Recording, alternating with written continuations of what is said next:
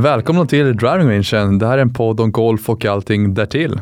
Ja, vi är väl egentligen bara två elitgolfare som försöker ta oss till de högsta torerna och vill ta med er på vår resa, när vi, vad vi tänker på vardagligen. Jag heter Martin Westerlund. Jag är 24 år från Täby, jobbar på Finwire Media och även professionell golfspelare. Och jag heter Olle Ryberg, jag är 23 år och pluggar just nu på college i USA, på University of Mount Olive.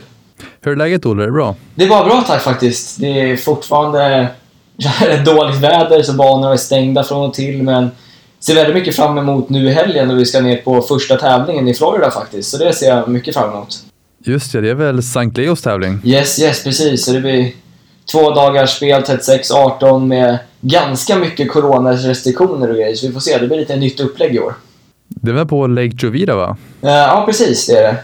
Men som sagt, i år kommer vi spela bara med laget um, under tävlingsdagarna och det, nej, det är ganska kaos. Det, vi får golfbilar, vi måste ha på här face masks medan vi är i dem och vi har fått schema för när vi får vara på olika ställen bara för att minska den spridningen då precis. Så det är, det är galet. Men vi får se.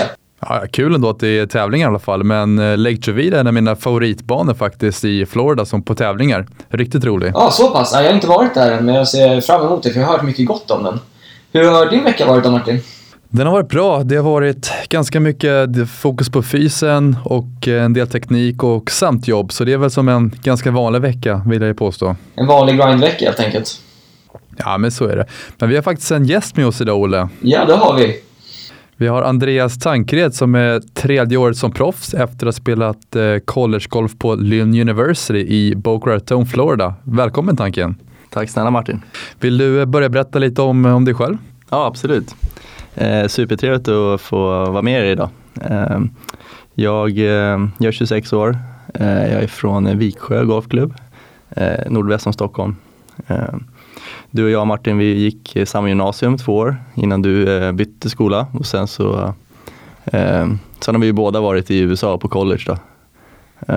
Jag valde att komma hem efter fyra år, starta min proffskarriär och eh, ja, leva proffslivet i Sverige och eh, vad den innefattar. Du har ju vinter också så att eh, jobbar en del på vintern och eh, försöker försörja mig på golfen på sommarhalvåret.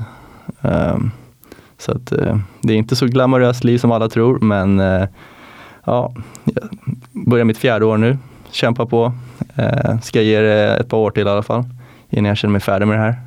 Spelat två Europatour-kval, har varit ganska nära att ta mig vidare till steg två eh, båda gångerna men eh, kommit upp lite kort. Så jag hoppas på tredje gången gilt i höst. Så att målet är väl mot hösten i alla fall liksom, och lägga en, eh, en tydlig plan för det. Snyggt! Ska vi eh, dra igång med fem snabba frågor då, Olle, till Andreas? Ja, det är bra bara för att få igång Spännande. surret lite. Ja, härligt. Ja, vi kan ta fråga nummer ett. Det är en liten debatt just nu. De ska ha laserkikare på PGA Championship. Tycker du det är en hiss eller en diss? Wow, ja, jag har hört om det. Uh, jag tycker nog att det är en diss faktiskt. Jag tycker det är jag tycker man ska bevara caddy-yrket eh, och hålla det som det är. Just den biten, uh, jag är väldigt mycket för nytänkande men just den biten tycker jag man ska hålla traditionsenligt. Alltså. Tycker caddy-yrket eh, ska vara fint ehm, och de ska få göra sin grej. Den kommunikationen är viktig det kommer skynda på spelet visst, men det går ju fortfarande långsamt. Alltså. Jag tycker det var väldigt bra. Det är inte många som tänker på det tror jag, just att caddisarna ska ha sina jobb också. För man är så fokuserad på att få ner romtiderna och ska göra så lätt som möjligt. Ja. Men det är ju lite ja. av det här samspelet med caddy och spelare som ändå är en stor del av golfen totalt. Absolut, absolut. Det är fel sätt att eh, försöka få upp speltempot, eh, skulle jag säga. Ja, jag håller med där. Och nästa fråga kan vara ganska lätt att vara partnersk på, men vi får se vad svaret blir. Din eh, favoritbana i Sverige? Oh, den är svår. Det finns faktiskt, alltså Sverige är ett, ett bra golfland. Eh, väldigt underskattat om man kommer här utifrån och kommer hit och spelar. Eh, många banor i Skåne som är bra men eh, jag måste ändå säga Visby Golfklubb från eh, hösten här. Spelade Nordic Golf League-tävling där i september. Och vi fick perfekt väder. Det var mellan ja, 15 och 18 grader. Eh, soligt och nästan vindstilla på den banan. Det var bland det mest magiska jag känt på en golfbana. Det är en fantastisk golfbana, just det lite linkskänsla Ja, också ja. där ute och det kan blåsa till ganska rejält. Ja, men det är lite Sveriges eh, Cyprus alltså. Den är schysst tycker jag. Sveriges Cyprus, jag tycker jag låter bra som svar på den frågan. Magiskt. Men så säg att du ska ut på Visby då. Skulle du välja Mm. morgongolf eller kvällsgolf? Vilken är favoriten?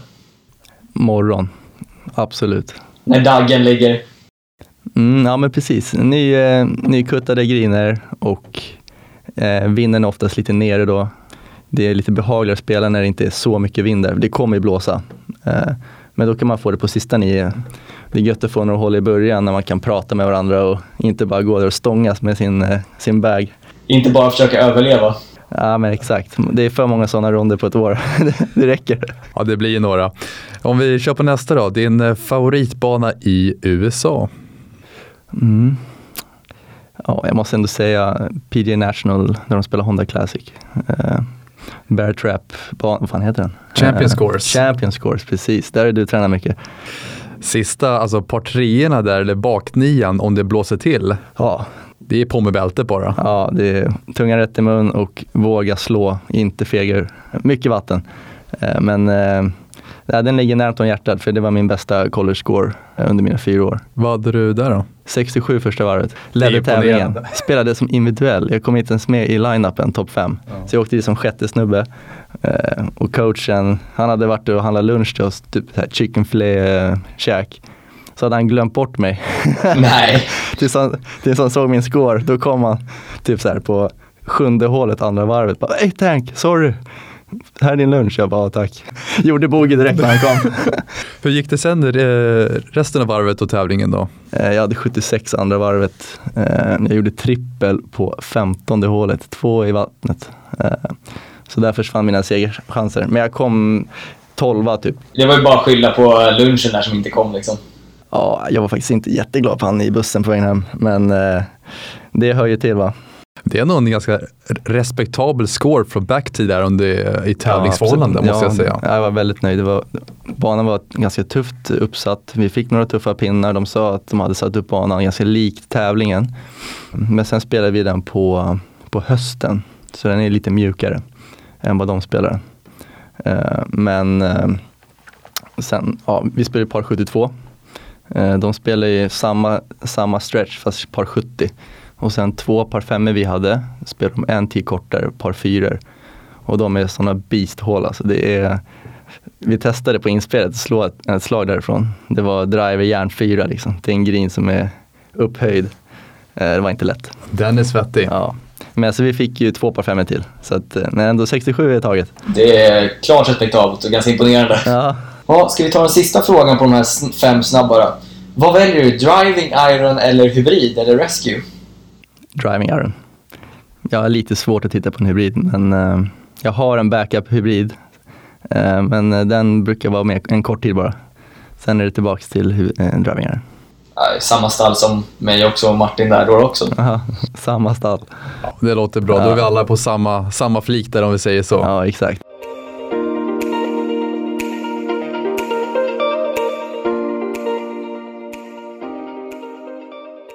Yes, men eh, du har som sagt spelat college golf på Lynn University i Boca Raton, Florida. Precis. Men eh, din collegekarriär började inte där. Kan du berätta lite hur och vart började du? Ja, precis. Jag, eh, jag spelade mycket hockey när jag var yngre. Golfen var aldrig riktigt fokus förrän jag började gymnasiet. Då började jag träna mer.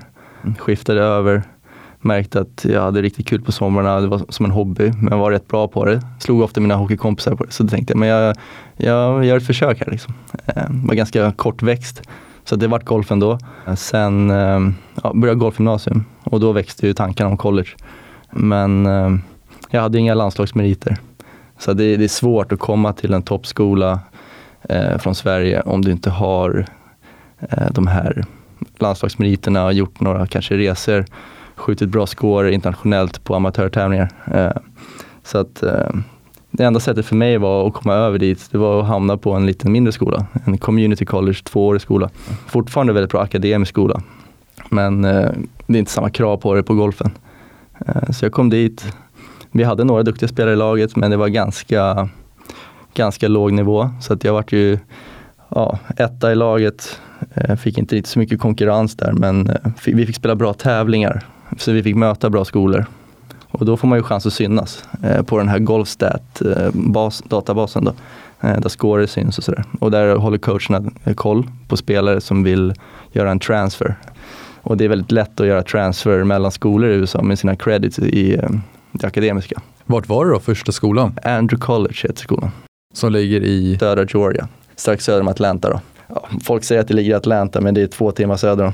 Men det är, det är som man pratar i USA, det är, det är långa sträckor. Så det var en liten, eh, en liten byhåla söder om eh, Atlanta. Det fanns inte så mycket att göra där. Eh, det var bara borra ner skallen, göra jobbet, utveckla min engelska som var ganska stapplig när jag åkte över.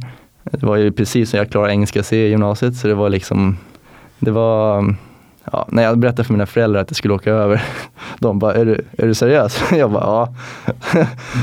så bara, ja. Alltså det var riktigt tufft i början men eh, det gick ganska fort faktiskt. Det tog typ en månad så var jag ju flytande eh, med mina vänner och kunde prata ganska basic engelska, engelska i alla fall. Eh, och sen tog det kanske ytterligare en, två månader innan jag vågade ta för mig i, ehm, på lektioner och ja, kommunicera med lärarna på mer akademisk nivå. Men alltså det, det är det bästa valet jag gjort i mitt liv, att åka över dit. Just att jag fick språket på, eh, på köpet och att man kan finansiera sin skolgång via sin idrott. Och, och sen, du var där i två år mm. och sen gjorde du en transfer till Lynn. Exakt. Hur var det då? Ja, det var också en, eh, en ny omställning. Från kulturkrocken från Sverige till Cuthbert, Georgia. Den var också rätt sjuk. Till eh, ja, alltså en, en stad i södern i Georgia mot att vara i eh, ja, södra Florida. Det är också två helt skilda världar. Banor överallt, eh, mycket internationellt, mycket spanskt. Fick träffa folk från hela världen där. Nära till beachen, det fanns inte i Georgia. Eh, det var bara massa skog och träsk. Så jag kommer ihåg första bilturen jag gjorde ner. Det var det, det, det, sitter fortfarande i mig, alltså jag kommer aldrig glömma det. När jag packade, packade min Jeep Compass där, skulle jag åka ner själv då. Och så tänkte jag, men det är väl inte så långt ändå. Alltså inte. Jag skulle åka till Skåne, kanske lite mer. 6-7 timmar. Nej, det tog ju typ 11. alltså det är så långt söderut. Alltså, jag åkte, och jag tror det tog sju timmar till Orlando. Och så kollade jag på GPSen, då var det två och en halv, tre kvar. Jag tänkte, fan, kommer jag aldrig fram. Eh, men eh, det var en, en häftig upplevelse. Men du har en ganska rolig story som du berättade för mig när jag var på middag hos dig för några veckor sedan om eh, när du träffade Joaco Niemann. Ja, precis. Vill du dela med dig av vad du berättade? Ja, absolut. Alltså det, är ju, det är det som är så härligt med golfen. Det, man lyckas träffa folk genom golfen. Det har gett en väldigt mycket. Jag fick en av mina bästa kompisar på Linn-laget. Han var från Santiago, Chile. Eh, och han bjöd mig till deras familj över jul och nyår 2016. Eh, eh, så jag spenderade en månad där, spela och träna. Fick lära känna hans kompisar som liksom aldrig har lämnat Santiago. Så här, helt ny värld.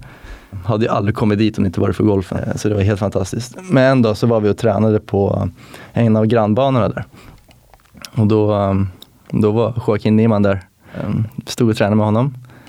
Eh, och sen snackade vi ihop oss med några andra kompisar som han hade. Att vi skulle åka till en, eh, någon av de killarna hade en sommarhus vid kusten.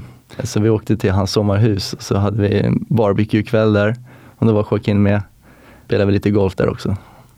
Och sen på kvällen så när vi stod och grillade så, ja, han skulle ju åka till college då några veckor senare. Han hade signat med University of South Florida. Och han sa till mig då att han var väldigt nervös. För hans engelska var inte så bra. Och då sa jag bara till honom att det är lugnt, alltså det, det kommer lösa sig. Jag har varit i samma båt. Låt bara klubborna tala så kommer det gå utmärkt. Han bara okej, okay, okej. Okay. Och det har ju gått ganska bra för honom kan man ju säga. Ja, men exakt. Två veckor senare, då spelade han den här PGN Latin American Amateur tävlingen. Och så vann han den. Så fick han ju eh, wildcard till Masters. Ja, fick, fick sitt namn på, på största nivån. Och så rullade det på. Signade kontrakt med Ping och Adidas och nu är han topp 50 i världen. cruisar. Så att från att ha pratat med mig där den där kvällen och osäker, ganska eh, blyg kille till att se honom på TV. Det... Vinna på PGA-touren, ja. men jag tror inte han har varit med i en podd än så länge, så där slår du honom på fingrarna. 1-0 till mig. jag är lite delaktig ändå känner jag, hoppas jag. Att han eh, kanske lyssnade på mitt advice där. Spelade ni golf med honom på den tiden också? Liksom, var, var det så att man kände att shit, den här killen är bra på riktigt eller? Ja, han, eh, han tog ju hem vårt bett, det gjorde han. Han gjorde det alltså? Men, ja, han, han vann under väldigt eh, snabbt där. Ja, precis, precis. Men alltså, det var inte spektakulärt. Han slår inte så långt. Jag tror han hade svårt att tagga till också riktigt sådär, men han har ju eh, någonting lite extra. Det är ju det, när det blir skarpt läge. Det där var mer kul grej, vi gick ut och spelade och skrattade lite och la in lite pengar om vem som skulle få stå för middagen typ. Så för honom var inte det, det var inte tillräckligt, en tillräcklig morot kanske för att få ut sitt, sitt bästa spel, men man kunde se att han var duktig. Det, han har alltid varit, enligt Martin, min kompis då, som, som bjöd ner mig, han sa det att det, han har tränat kopiöst mycket. Alltså det, det går inte att beskriva. Och han har aldrig haft en plan B. Fan, det kan säkert ha varit en drivkraft också just att han har inga val än att lyckas. Så det blir mm. allt på det liksom. Absolut. Sen de flesta av de där killarna som jag fick träffa, alla de har ganska rika föräldrar. De är från fina familjer i Chile. Eh, du har inte råd att gå på college eh, om du är från Chile och inte har pengar. Eh, så att jag visste inte vad jag liksom åkte ner till. Tänkte, fan, kan jag ha det ganska basic, bo vanligt liksom. Så fick jag ju se hur de har det. Alltså, de, är, de är medlemmar på fina banor. Golfcommunityn i Chile är ganska liten men sluten och alla är bra vänner. Och de har ju väldigt bra landslagsspelare. Så att, det är ett land jag tror man kommer få se fler duktiga från snart. Det tror jag. Intressant. Ja, så efter college så åkte jag hem till Sverige som du sa och blev proffs direkt. Och hur har den tiden mm. varit, eller hur har dina första proffsår varit? Eh, ja, stor omställning.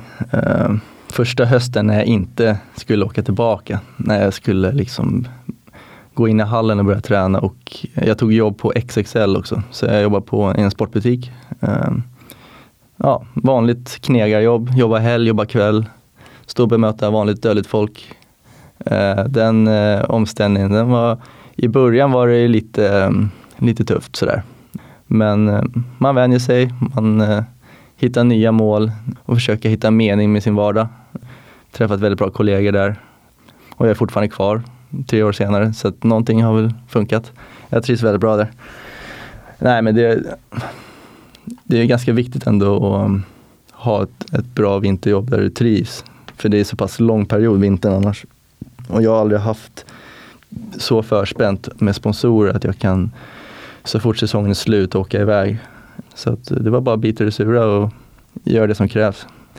Men eh, omställningen var stor. Men jag, jag är fortfarande inspirerad, tycker det är kul.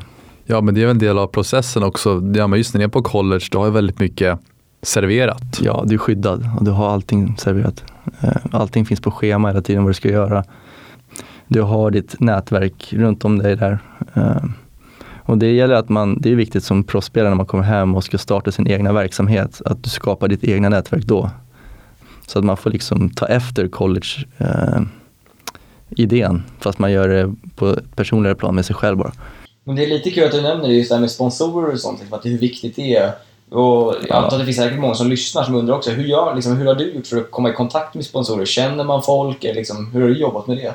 Ja, alltså jag har ju försökt väldigt mycket med framförallt e-mailing. Jag har satt ihop ett sponsorpaket eh, på Powerpoint och i Word där jag gjort som ett CV om mig själv fast golf. Eh, vad jag kan erbjuda som motprodukt tillbaks till eh, sponsorn. Sen i dessa coronatider har det inte heller varit lätt att hitta någon som vill eh, stötta en satsning. Men eh, ja, det är, det är inte lätt att sälja in sig själv. Eh, det är det inte. Så att då blir det ju nästan bekvämare bara gå till sitt jobb, ta den, den biten och ja, kämpa för pengarna. För att det, det är rätt jobbigt att sitta och mejla och inte få svar. Mm. Det, det, nio av tio svarar inte. Mm. Den tionde svarar väldigt snällt och säger tack men nej tack. Så det är väldigt svårt. Sen har jag haft lite tur att min morbror är bra vän med um, koncernchef på Peab. Uh, de bor grannar nere i Spanien. Jesper Göransson heter han. Så han, um, han har ju 13 000 anställda på Peab. Uh, och Han har varit väldigt snäll mot mig, hjälpt mig senaste tre åren, eh, lite grann. Och det är liksom, det ingår inte i Peabs eh, liksom, varumärke att de ska sponsra individuella idrotter. De gör inte det. De sponsrar bara föreningsliv eller eh, större lag, större organisationer. Så det var ett undantag och jag fick flyt där. Eh, och utan, utan den hjälpen från Jesper så hade jag ju eh, haft det ännu tuffare. Mm. Så att, sen har jag det finns, jag har kompisar på Nordiska Prostoren som har väldigt mycket sponsorer och kan göra de här resorna och kanske träna mer än vad jag gör på vintern. Men eh, man får göra det bästa situationen. Ja, men du, som sagt, man får göra det bästa vad man har och det bästa egentligen som du själv gav råd om för några år sedan, det är låt klubborna göra snacket. Ja, den håller alltid. Exakt. Eller vad var det Tiger sa? Winning takes care of everything. Det är lite så. Men, så liksom, det är mycket jobb och så här. Men själv, själva proffstävlingarna, liksom, är det ett stort steg från collegegolfen eller är det fortfarande samma golf? Liksom, var det en stor skillnad också? Ja, det var det. Eh, du spelar bara en runda per dag med katt. Spelar du inte tillräckligt bra, då får du inte spela sista dagen. Om pengarna. Ja, det, var, det var ganska tuff omställning ändå. Börja spela om pengar. När puttarna, enmetersputtarna betyder lite mera. Så att, eh, och man vill inte hamna i den där e- ekonomiska situationen där du inte vet om du har råd att betala din hyra eller spela nästa vecka. Du vill ju kunna ha den här tryggheten, budgeten, att, att du har lite marginal för att du ska kunna få ut ditt bästa spel. Jag tror inte det är nyttigt annars, man kommer inte må bra. Eh, så att jag har alltid försökt att lägga mitt schema ut efter det. Mm. Men, är, det inte så också att oavsett college eller proffsgolf så är det ju samma typ av sport. Det är andra, Absolut. andra Absolut. konsekvenser bara. Alltså Ja, college exakt. du kommer ändå få din Chick-fil-A sandwich efter rundan. Ja. Men annars, om du inte spelar, om du spelar proffsgolf så kanske du inte får pengarna till hyran eller vad det kan vara. Det är lite annat. Men hur tränar man, hur tränar man bäst för att vara bäst under press då, liksom, skulle du säga? Ja, alltså det finns bara ett sätt och det är att sätta sig i den situationen tillräckligt många gånger och misslyckas. Och inse att det var inte hela världen. Jag tror det, det går liksom inte att läsa sig till det. Eller, du kan prata med någon absolut, men eh, det spelar ingen roll hur mycket du pratar med en, en mental tränare, för det har jag gjort också mycket. Det, när du står där på 10, speciellt på typ ett Europatourkval, när du har lagt 22 000 för att pegga och så har du vatten hela höger och out vänster på första hålet. Då, alltså, då gäller det bara att, att våga göra det. Det är nog det mest nervösa jag varit. Första hösten efter college när jag skulle kvala. Men då, när man har gjort, gått igenom den tuffa prövningen, då blir ju att backa ner och spela Nordic Golf League blir inte lika jobbigt då. Så att det är därför jag inser att investera i, i nordiska ligan då. För jag har testat spela minitour och sen åka och kvala. Och då blir det också en chock. För att det, det blir nästa nivå liksom. Så är det bättre att utsätta sig för högre konkurrens Ja, och kanske absolut. konsekvenser där också. Exakt, tuffare banor, lite mer preppade banor, bättre setup på banor. Och jag tror ni är likadana grabbar när ni har fått spela med bättre spelare. Då är det lätt att man lyfter sig själv till, sin- till, Ja, så till en ny nivå. Absolut. Eh, Man kan nästan bli förvånad, bara, fan jag hänger på den här killen. Mm. Så att det är precis som i hockey om du möter en sämre motståndare, att du, det är lätt att en match blir eh, lite seg om du möter en sämre motståndare, att du inte gör allt, du blir inte lika desperat.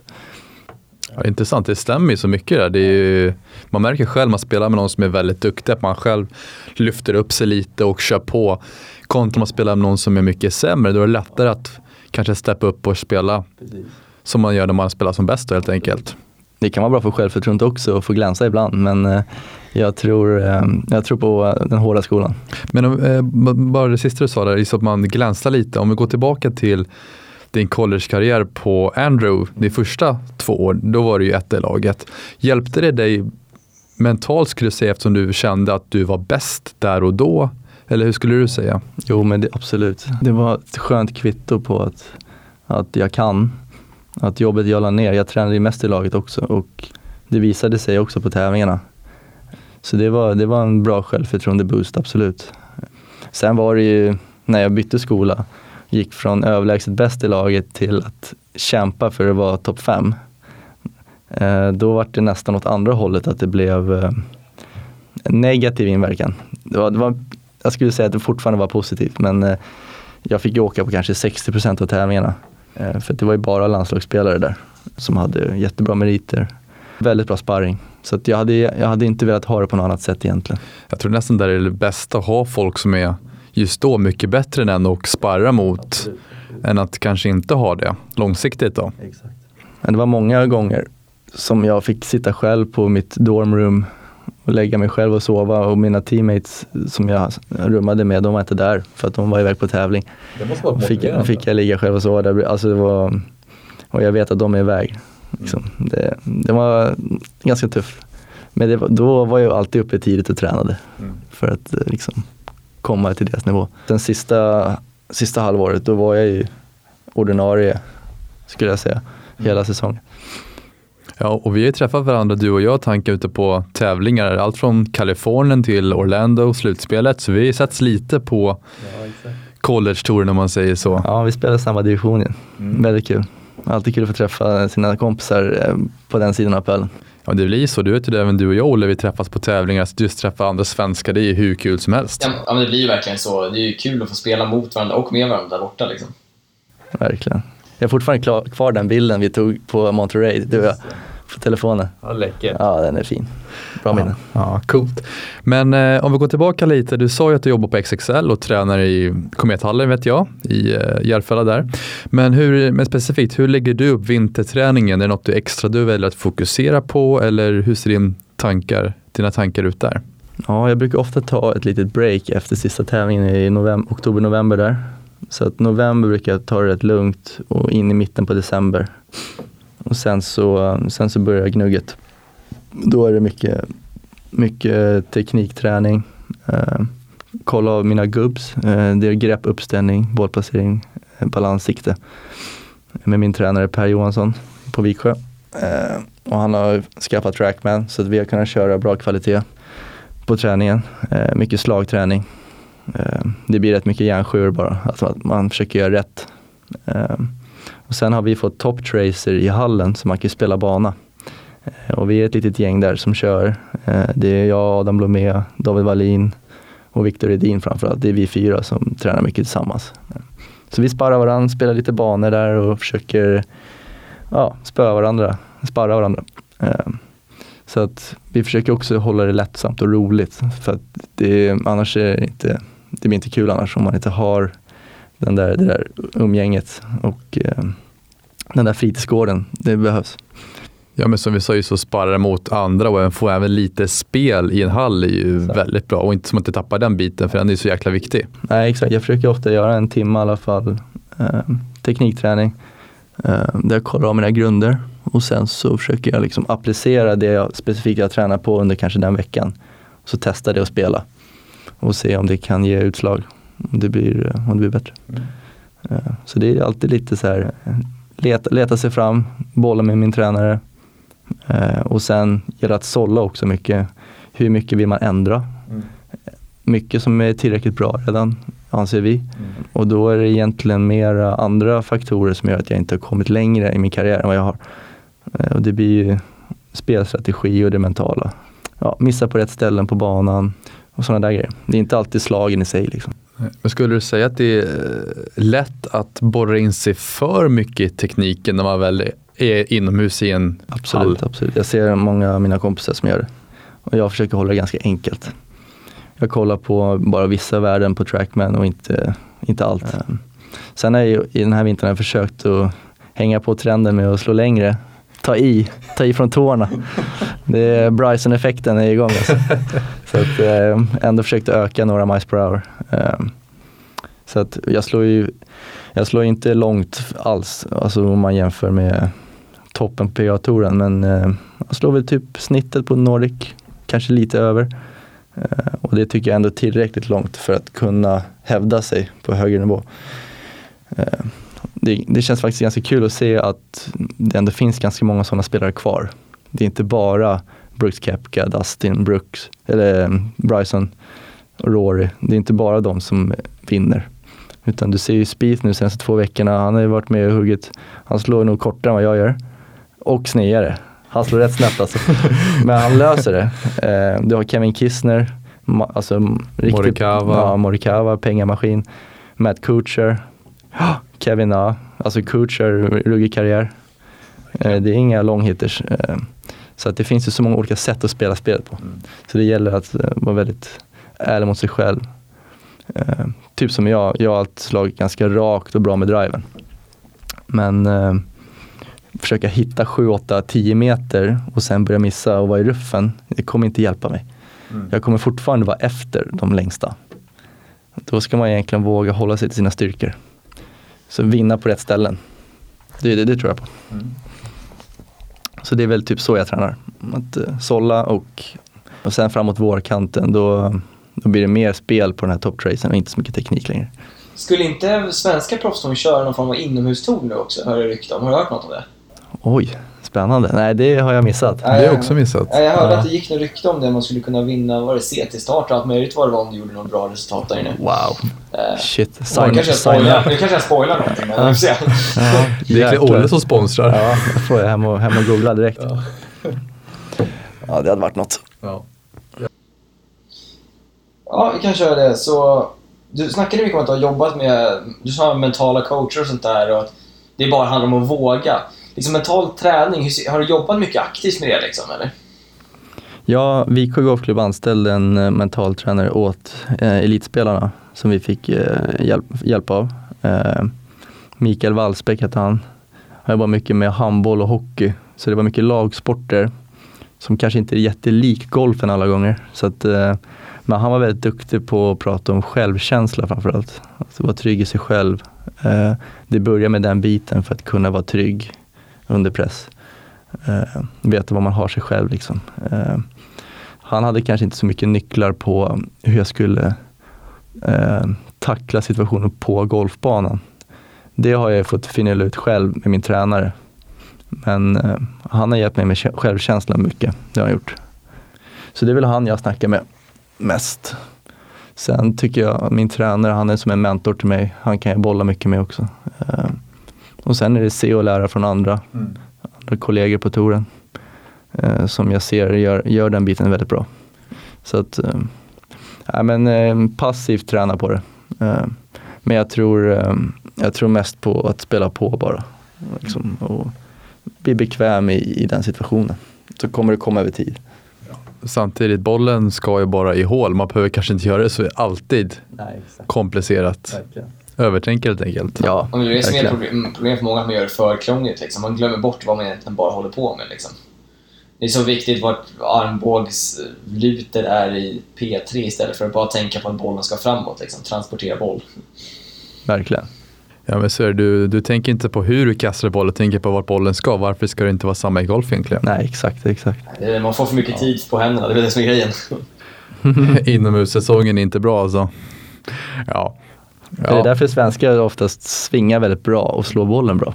Vi har ju många veckor, många månader på oss att nöta boll på matta. Bygga vackra svingar. Ja, exakt. Ja, det är vi duktiga på. Men eh, det är det jänkarna gör annorlunda. De, de spelar spelet. Ja, det märker man bort i USA i alla fall. De har ju inte ofta som finaste svingarna, men satan vad de är bra på att få bollen i hål. Ja, det där har vi pratat om förut, att jag tror det är jävligt nyttigt att ha båda delarna. Liksom. Vi kommer som svenskar bort hit, för då har vi med oss svingar och så kommer vi bort hit och då är det bara fokus på resultat. Liksom. Man, blir ju, man får ju båda delarna. Precis. Det var en riktig sån här, eh, ja vad säger man, headshaker när man kom över och fick se, se hur de spelar vissa. Skogshuggarsvingar som skjuter 65 liksom. Det, det är coolt. Ja, men det var ju som min fyr när jag gjorde transfer till eh, PBA i West Palm Beach. Jag vet inte hur ni haft det, men vi hade ju ingen teknikträning. Vi hade ju bara målträning. Det var väldigt samma hos oss. Hade ni också samma? Ja, verkligen. Min tränare, eller min coach där, han var kanske inte jättekompetent på svingen och ville inte gå in på det heller. Eh, han tyckte att vi skulle sköta det med våra, e- vårt egna nätverk.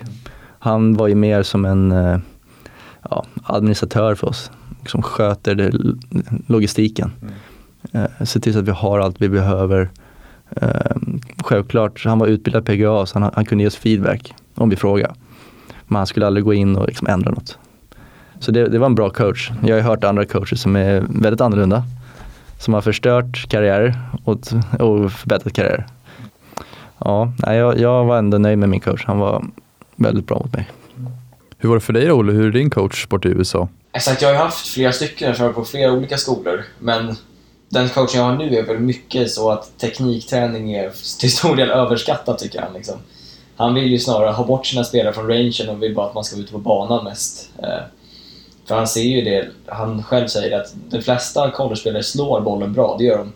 Det måste man göra för att komma till en viss nivå, men sen är det närspelet och just att få bollen runt en bana som är skillnaden mellan en okej okay och en bra spelare. Så han är ju på samma sätt där, det handlar bara om att vara ute på banorna egentligen och få skårar. Ja, det stämmer väldigt bra in. Om eh, vi kikar lite på eh, målsättning. Har du några mål och hur, hur sätter du, just du mål? Eh, jag brukar sitta ner med min tränare på, redan på hösten efter avslutad säsong. Eh, så utvärderar vi och lägger mål redan då inför nästa år. Man kan se rätt bra på, på golfdata, vad man har för scorer, hur trenden ser ut under säsongen, vart man dippar under sommar, höst eller vår, vart man spelar bäst. Men eh, brukar sätta upp vissa resultatmål, men mera processmål. För då tror jag att resultaten kommer av sig själv. Så att det, det går liksom inte att säga, ja jag ska ta mig till eh, steg tre och komma topp 45 och få CT-status e eller ET. Det är ett resultatmål som, det kommer vara ett resultat av processen du gör fram till dess. Så att eh, för mig så ehm, Ja, alltså förra året, det var ju första året jag egentligen som jag spelade en full säsong på Nordiska ligan. Jag spelar mycket minitour annars. Så jag har gjort en hel säsong nu. Börjar känna mig varm i kläderna där. Märker att när jag är på, när jag spelar bra, så kan jag hävda mig. Eh, jag har varit uppe och nosat på ledningen för två varv eh, och sen inte hållit. Och sen har jag märkt vad som händer med mig själv om jag bränner tre raka katter. Hur tacklar jag den situationen vecka fyra? Mm. Så att det är lite sådana där saker jag har pratat med min tränare om. Eh, om man skulle hamna i en sån tuff stretch, eh, hur vänder man på den eh, trenden? Och ja, men det är typ, typ de grejerna, ska jag säga.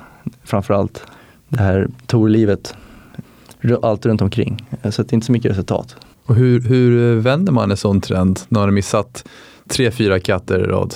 Hur gör du?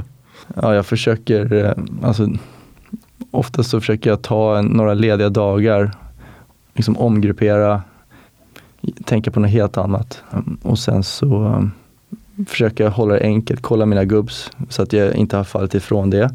Mm, det som kan hända på Nordiska ligan, det är ofta ganska tuffa förhållanden. Blåser mycket, framförallt nere i Danmark. Och spelar du tre, fyra veckor i rad med mycket vind och så kommer du till en tävling sen när det är vindstilla. Då är det lätt att man har gått runt och trappat bollen i tre veckor och sen så behöver man inte göra det längre. Så att det är lätt att man ändrar sin sving över tid om du inte checkar dina grunder. Så det är alltid tillbaka till grunder. Ner med line-up-stickan och kör lite. Det räcker med att slå en, en hink bara, bara för att kolla av. Och då, jag har alltid samma tendenser när det börjar gå dåligt. När bollplaceringen åker fram lite grann. Jag börjar slida in i bollen, så blir jag lite rundare och så blir det lite flippigt. Så blir det stora drås och så läcker jag höger. Eh, så det är alltid lite bak med bollen och sen så roterar jag igenom och mitt grepp kan gå till svaga hållet. Så kolla alltid, gå alltid tillbaka till mitt starkare grepp.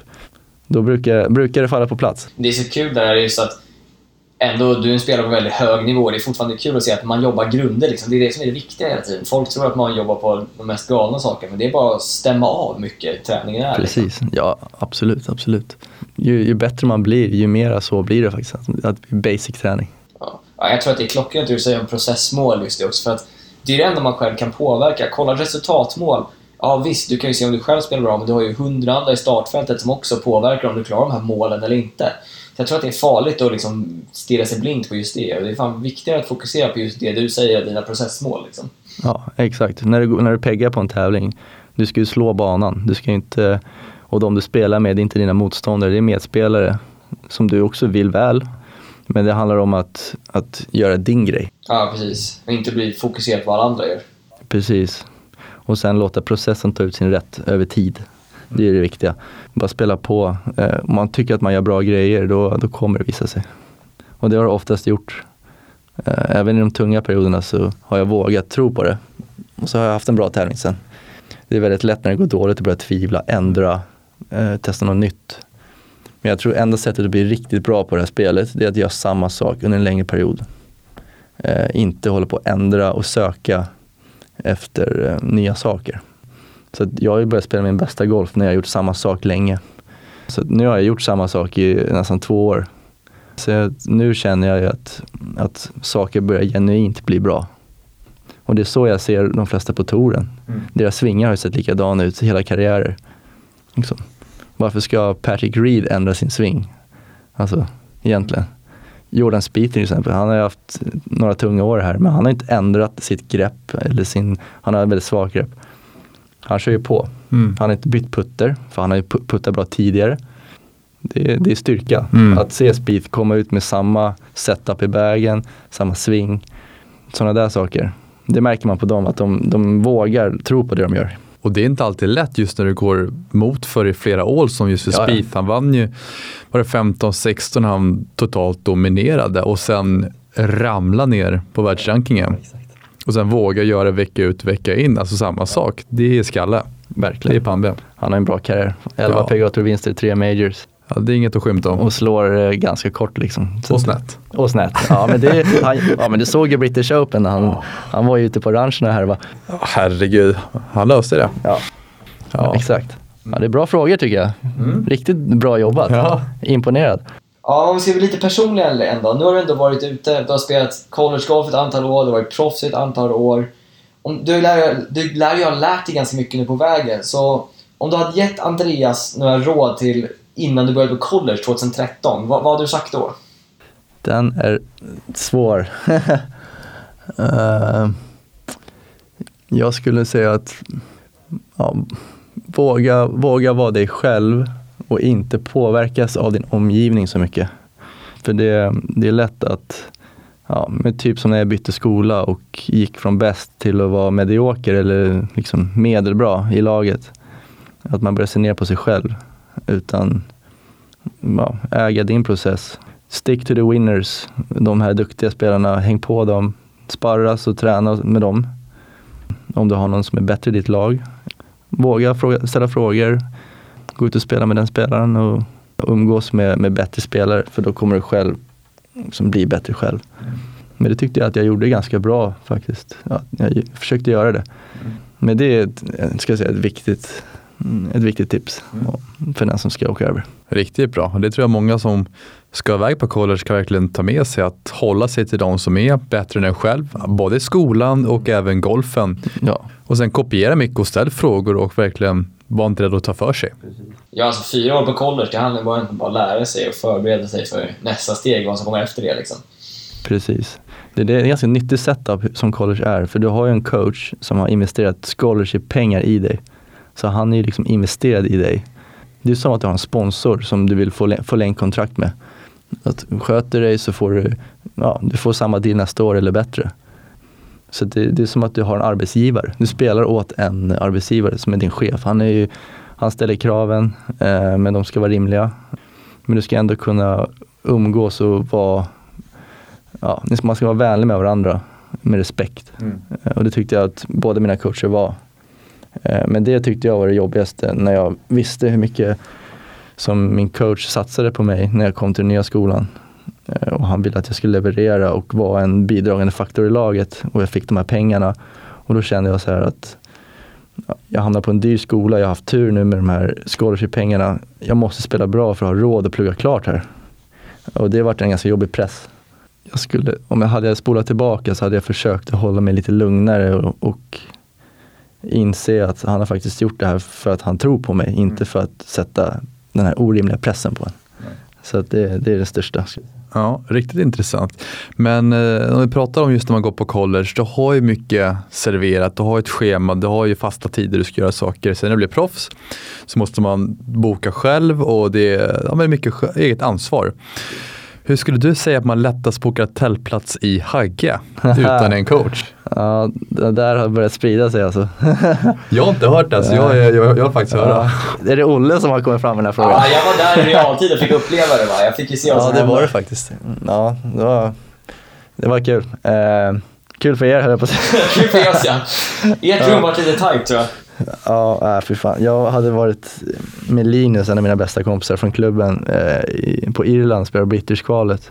Så såg vi att den här minitouren skulle gå eh, veckan efter vi kom hem och den skulle gå att få in i schemat innan Nordic-tävling. Tänkte jag, men spontant, vi kan väl åka och lira den, det blir ju trevligt. Eh, för eh, det är inte så långt att åka sådär, från Stockholm. Så då bokade jag online från Irland. Jag reflekterade inte över hur billigt det var. Alltså, jag, klickade in, jag klickade upp att jag ville ha ett dubbelrum med honom. Eh, så stod det 250 spänn. Ja, fan vad nice. Alltså, beställde jag det på en sån här campingplats. De, de, hade, ju, de hade ju rum också. Eh, men så kom jag dit och skulle checka in. Så bara, ah, jag hade rum här. Så bara, nej. Och så sa jag mitt namn Andreas. Bara, nej, jag ser ingen Andreas här. Jo, men jag har bokat. Alltså stensäker var jag. Jag stod på mig. Så bara, nej men jag ser inte ditt namn här. Bara, jo men jag ser, du har tältplats här ute på gräsmattan. och så står alla kompisarna i kön och bara dör. Uh, och jag mådde så dåligt, jag var röd som en tomat i ansiktet. Så fick vi uh, klämma ihop oss uh, sex pers i, i, i ett dubbelrum. Du hade bokat till alla? Nej, jag hade bokat till Linus och mig bara. Okay. De andra hade bokat en egna rum.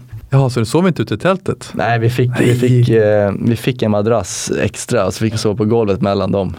Mysigt. Ja, de fick ju ner sin kostnad också för det var en, Ja, ja, ja. mer. Så de var väl, ja, de var kanske inte skitnöjda att jag låg där på golvet men det, det får man ta för laget. Ja, ja, jag är medmänniska, jag hade Ja. gjort samma sak. Så är det. Ja, det blir som sagt lite svårare när man inte har coacher som bokar runt. Man får lära sig av sina misstag och ja, ja. alltid lärdomar bara. Det finns bara hårda vägen. Men det löste sig. Ja, underbart. Ja, men om man vill eh, ta och följa dig, tanken på so- sociala medier, hur gör man lättast då? Eh, då kan du söka upp mitt namn på Instagram. A understreck tankred heter jag där. Det är väl framförallt där jag försöker lägga ut lite grann. Sen så eh, jag skulle, skulle behöva bli bättre på att lägga ut mer regelbundet. Jag gör ju det som, som eh, mina sponsorer vill att jag gör. Eh, men annars så är jag lite sparsam med vad jag lägger ut. Ehm, Ehm, Du sparar lite på internet. ja, ja, men exakt. Nej men jag tycker, Ja, man vill inte att internet ska bli fullt liksom, det är tokigt. Jag tänker väl mer att eh, de som genuint bryr sig om hur det går för mig, de kommer ändå hålla koll och kolla upp det. Så att jag tycker inte alltid man behöver liksom pusha ut information om vart jag är och vad jag gör hela tiden. Så att, eh, och jag har väldigt bra vänner och nätverk runt omkring mig som, som ändå följer min process. Så det, och det räcker liksom. Men du har Facebook också, Facebook-sida. Ja, den är kopplad till min Instagram. Jag har sån här eh, atletkonto typ. Så man hittar den när man söker Andreas Tangred. Ja, så Golf allt som kanske. Instagram lägger upp hamnar där också. Eh, och Smidigt. så har jag en hemsida också som jag gjorde i college. Jag tog en sån här webbdesignkurs. Mm. Så eh, fick man ju n- användning av det. Så jag har en eh, sån här Wix hemsida. Och vad heter hemsidan? Tanken19 vix.com. Men jag måste, jag måste kolla, googla bara mitt namn så kommer det komma upp på google tror jag. Ja, det är pondus när man säger googla mig, då, då har man det bra. Ja, men, ja, Det, jag tror de som vill hitta det hittar det där ute. ja exakt. Ja, men eh, stort tack för att du tog dig tid att vara med i vår podcast och jag tror många som dels ska över till college och kanske är på college har nog lärt sig ganska mycket. Så tack för att du kom hit. Ja, tack själv, jättetrevligt grabbar. Kanon. Yes, Olle, det där var väl intressant att ha med tanken i podden. Ja, fantastiskt. Jag tycker det är en väldigt cool grabb och liksom har haft en riktigt bra resa som man kan lära sig mycket av. Ja, just att gå från en skola där du är ett laget till att behöva kämpa in i line-upen är ju riktigt intressant, riktigt motiverande faktor att vara dels runt så duktiga spelare och sen byta miljö helt och hållet. Ja, precis. Två skilda världar och sen efter det hem till de svenska tourerna och vara ute på det. Det är kul, en bra resa. Sen när vi ska följa oss på sociala medier, Olle, hur följer man dig lättast? Hitta mig lättast på Instagram, Ryberg Golf, där jag kontinuerligt uppdaterar lite om vad jag håller på med här borta och tävlingar och sånt. Och Martin, vart följer vi dig? Du följer väl lättast på Martin Westlund golf. Sen får ni inte glömma att följa vår gemensamma podcast som heter vadå Olle? Driving Ranchen på Instagram, där vi försöker hålla en liten diskussion uppe om vad som kan komma på framtida avsnitt och håller er uppdaterade om avsnitt som kommer ut.